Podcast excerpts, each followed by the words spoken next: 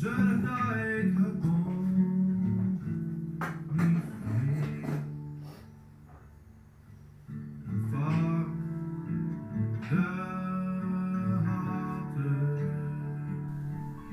op Oosterhouw.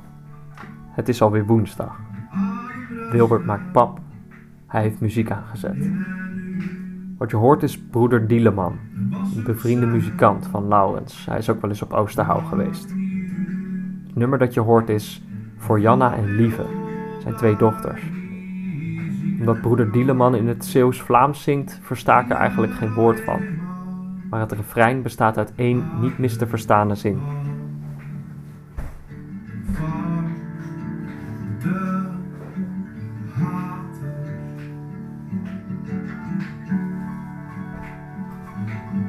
Elke dag hier begint met een bord pap. Geserveerd met yoghurt uit de streek, stroop van de Jumbo en een kop koffie van de Mokka Master 5000. Excuses voor de herrie trouwens. Ik schraap mijn bord pap elke ochtend tot op de bodem leeg. Wat was het verhaal over de pap ook alweer dat ik gemist heb? Dat er rook is opgegaan. Gisteren. Van die mensen die het aan hun kinderen gingen geven. Oh ja. Oh ja. Of heb je een ander leuk verhaal over pap? Nee, dit is wel het leuke. Jasper en Ellie waren dat. Jasper en Ellie hadden dit geboekt om hier een weekendje te, te zijn. De mensen hadden Drachten of zo. Drachten geloof ik. dat. Mhm. En ehm, super lief stijl. En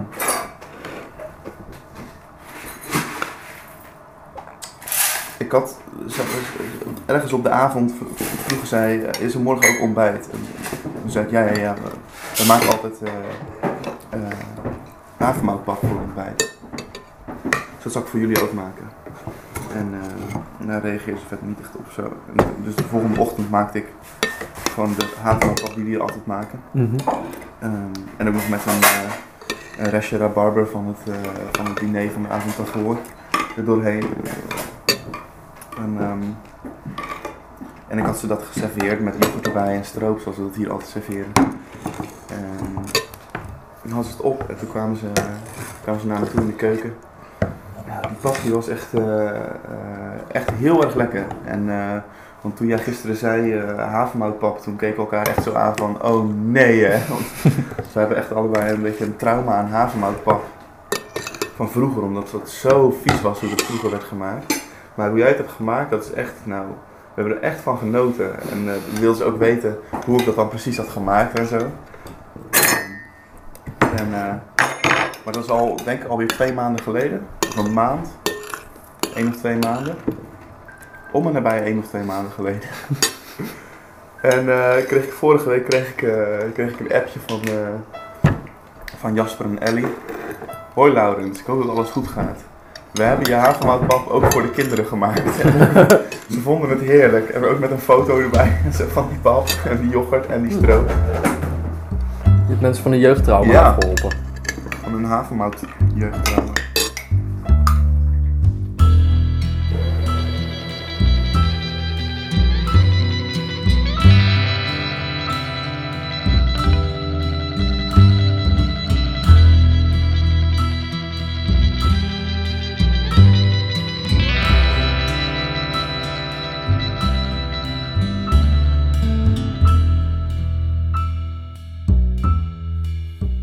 Die ochtend vertelt de jongen genaamd Tom dat hij een dag eerder zal vertrekken.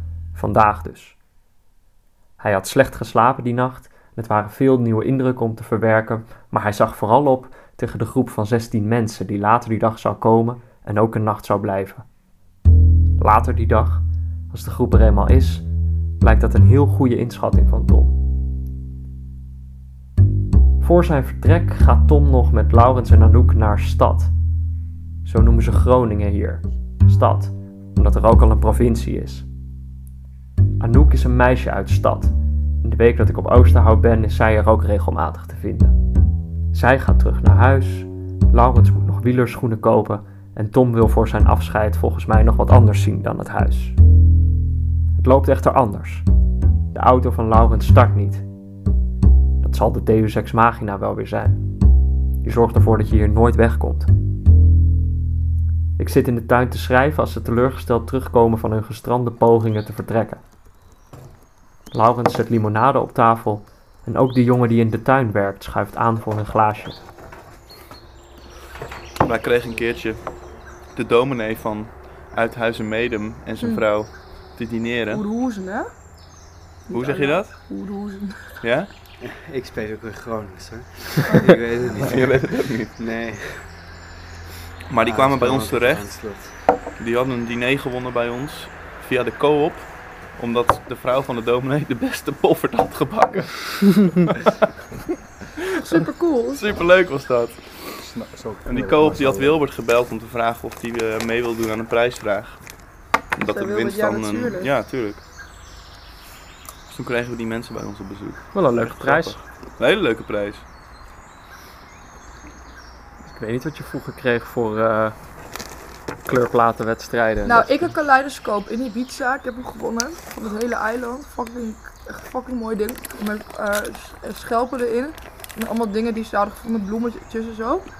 En je ik- meegedaan aan een kleurplatenwedstrijd op Ja, Ibiza? en die heb ik eh, laten liggen in het Schiphol, in het vliegtuig. En ik heb er nog steeds een trauma aan. Ik heb laatst een nieuwe kaleidoscoop gekomen, die is lang niet zo mooi. Oh, wat Als jullie ooit eentje vinden met schelpen en bloemblaadjes erin, dan eh, hou ik mij aanbevolen. Dat is die van jou. Mhm. Nou, bij Terrarium in Groningen hebben ze denk ik wel een. Daar verkopen ze allemaal insecten en eh, in glas. Dan hebben ze daar ook wel een kaleidoscoop met eh Schelpen. schelpen in. Ik heb Ja. de walkie-talkies van Pokémon gewonnen met de kleur. Echt sick. Ik heb deze schoenen gewonnen en deze ketting. En ik heb echt zoveel gewonnen. Heel veel vrijkaartjes voor festivals en zo. Waar doe je dan Ehm, allemaal aan mee? Gewoon, ik, re- ik reageer één keer in zoveel tijd op dingen en ik win, zeg maar, mijn winratio is gewoon heel hoog. op een gegeven moment werden mijn huisgenoten echt net gek gewoon. Ik ging twee keer krasloten kopen, twee keer 20 euro gewonnen. Nooit meer gedaan. Ja. Ik dacht, ehm, Maar daar zou, daar zou je iets mee moeten doen met dat geluk. ja, het is denk ik opgebrand Ah. Het is allemaal opgegaan aan eh Ja. krasloten. Ja, dat, dat doe ik maar heel, heel weinig. Ik wacht net zo lang tot ik denk, ah, nu win ik wel weer. Ja, ik heb ook één keer bij de bakker in Hengelo waar ik woonde, heb ik echt iets van 10 vliegers gewonnen. Oh ja, en nog één keer, dat was nog erger, dat was echt kut. Toen was ik mee op een, een kinderfeestje op een paardenfestival in Nijmegen. En ik was de enige van de meisjes die niet paard reed. En ik won een meet and greet met Ankie van Grunsven in de paardenbak. En ik kreeg een dekje met allemaal gesigneerde, gesigneerd van allemaal paardenmensen. En ik had daar dus helemaal niks mee. Met van die loodjes. En toen heb ik het gereld tegenover, tegen Harry Potter stickers. Ja. Goeie deal. ja.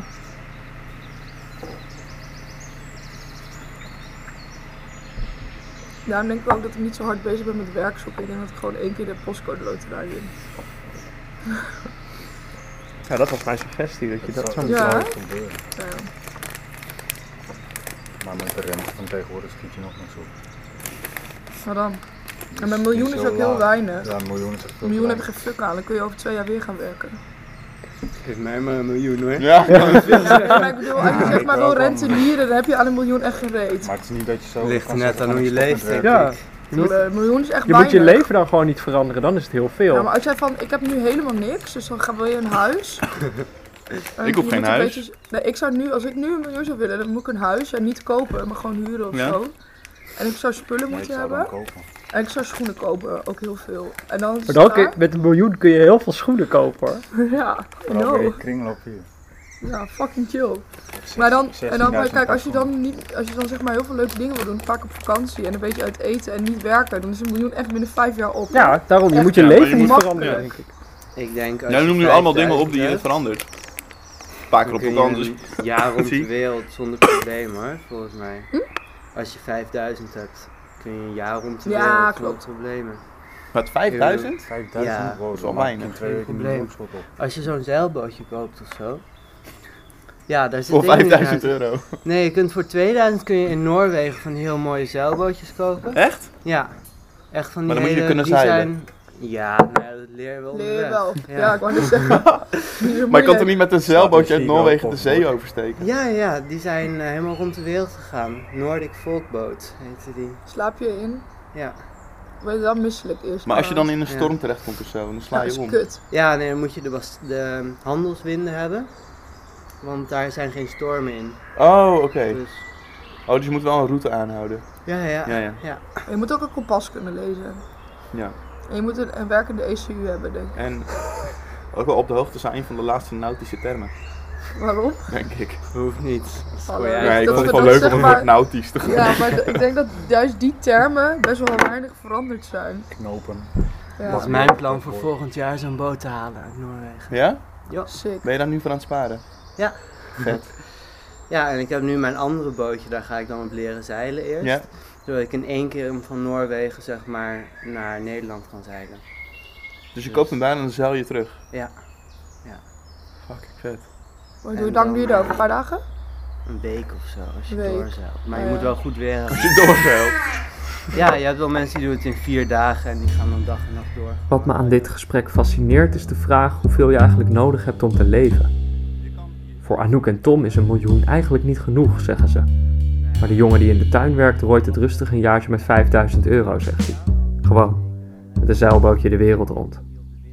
Later, als de rest nog eens met het openbaar vervoer gaat proberen in de stad te komen, praten wij nog even door. Ik zeg het alvast, hij eet chili con carne uit een meegenomen bakje. Daarom is hij misschien niet altijd even goed te verstaan. Jij werkt hier in de tuin. Ja, al twee jaar. Hm. Anderhalf jaar, zoiets. Alle veranderingen meegemaakt. Maar ja, toen je kwam was Klaas er nog. Ja, ik ben onder Klaas begonnen. Nou, ik werk nog steeds onder Klaas trouwens. Hm. Dus, ehm ja. Dat is wel een beetje vreemd om nu te werken. Ja. Ik weet niet of je gehoord hebt van Klaas, was dat? Ja, die, die is na- juist naar Amsterdam gegaan omdat hij ziek is, toch? En omdat Ja. hij dit, eh, Ja, hij was daarvoor al weggegaan, hè, voordat Ja. hij ziek werd. Maar... Ja. dat hij het huis niet meer trok. Mhm. De jongen die in de tuin werkt is 19 en wordt bij zijn achternaam genoemd omdat er al te veel mensen Christian heten in de omgeving. Omdat zijn moeder een goede vriendin van Klaas is, komt hij al sinds zijn elfde op Oosterhout. Hij hield als kind al van tuinieren en daarom vroeg Klaas hem eens of hij wilde meehelpen in de tuin. Hij heeft toen de metershoge brandnetels uit de voortuin verwijderd. Inmiddels ligt de tuin er een stuk beter bij dan een jaar geleden, vertelt hij. Het zag er niet altijd zo mooi uit als nu. Klaas heeft hem ook wel eens ontslagen, omdat hij het allemaal niet meer zag zitten. Het huis en de tuin. Dan hoefde hij ook niet meer te komen. In die tijd ging de jongen zelf ook al niet meer naar school, vertelt hij. Tot op het punt dat hij eigenlijk niet eens meer terug durfde te gaan, omdat ze dan pas door zouden hebben dat hij er al die maanden niet geweest was. Gelukkig mocht hij uiteindelijk toch altijd weer terugkomen in de tuin. Blijkbaar vond hij daar iets wat hij op school miste. Dit jaar is hij vrij. Hij spaart voor een bootje. En heel veel mensen op reis zeiden ook van ja, dit is nu de tijd om het te doen. Ja. Want later heb je hypotheek en ehm, verplichtingen en, en banen en dingen. En dan kun je niet meer gewoon een heel jaar weggaan. Dus Ik denk ook altijd dat dat, dat eh, dan krijgen mensen midlife crisis, zeg maar. mhm. Dat je merkt dat je vastzit, denk ik. En dat merk je dan pas vrij laat. Ook wel het gevoel dat dat mensen zijn die, eh, die juist altijd gewoon maar eh, het gebaande pad hebben gevolgd. En gewoon gedacht van nou, ik, ik ben klaar met school, dan ga ik studeren. ja, ja. Ik ben klaar met studeren, dan ga ik werken. Mhm. Ik heb een vriendin, we gaan Dan samenwonen, je kindjes trouwen, kinderen krijgen, huis kopen, ongeveer in die volgorde. Mhm. En dat je dan op een gegeven moment op het punt zit dat je denkt, ja, ik weet eigenlijk niet of ik dat wil. Ja, Maar ja, het- lijkt me een heel naar gevoel. Ja. ja. Maar ja, ik ben, ik ben 24 Mm. en dan kun je, weet je, dan zeggen mensen ook nog tegen mij, Alles dit is het moment om het te doen. Dit is het moment om nog, eh, Ik denk als je 50 bent. En nou ja, met kinderen wordt het moeilijker, maar anders kun je altijd nog wegkomen. Ik bedoel, Ja. je kunt altijd een boot kopen en gaan zeilen of wat dan ook. ja, Maar dat is wel wat heel veel mensen tegen mij zeiden. En ik denk wel dat het makkelijker is om Zeker. nu te doen. Ja. zeker.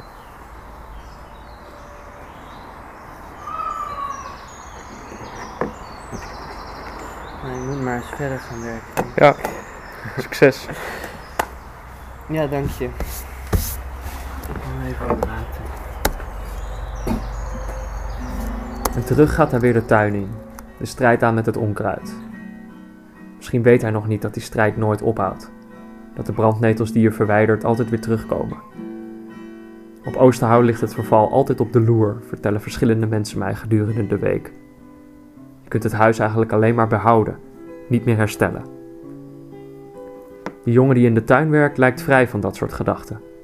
Terwijl de een vertrekt omdat het huis hem te zwaar wordt, zeilt de ander in zijn hoofd de wereld rond voor 5000 euro. Het is mooi om te zien hoe iedereen anders reageert op deze plek, zegt Wilbert een keer tegen mij. Ik denk daaraan als de groep van 16 mensen aan het einde van de middag arriveert. Ze nemen het huis als het ware over. Ze eten en drinken en kunnen niet ophouden met zeggen wat een fantastische plek ze het wel niet vinden. Vanuit mijn bed hoor ik ze in de tuin tot vier uur s'nachts verstoppertje spelen.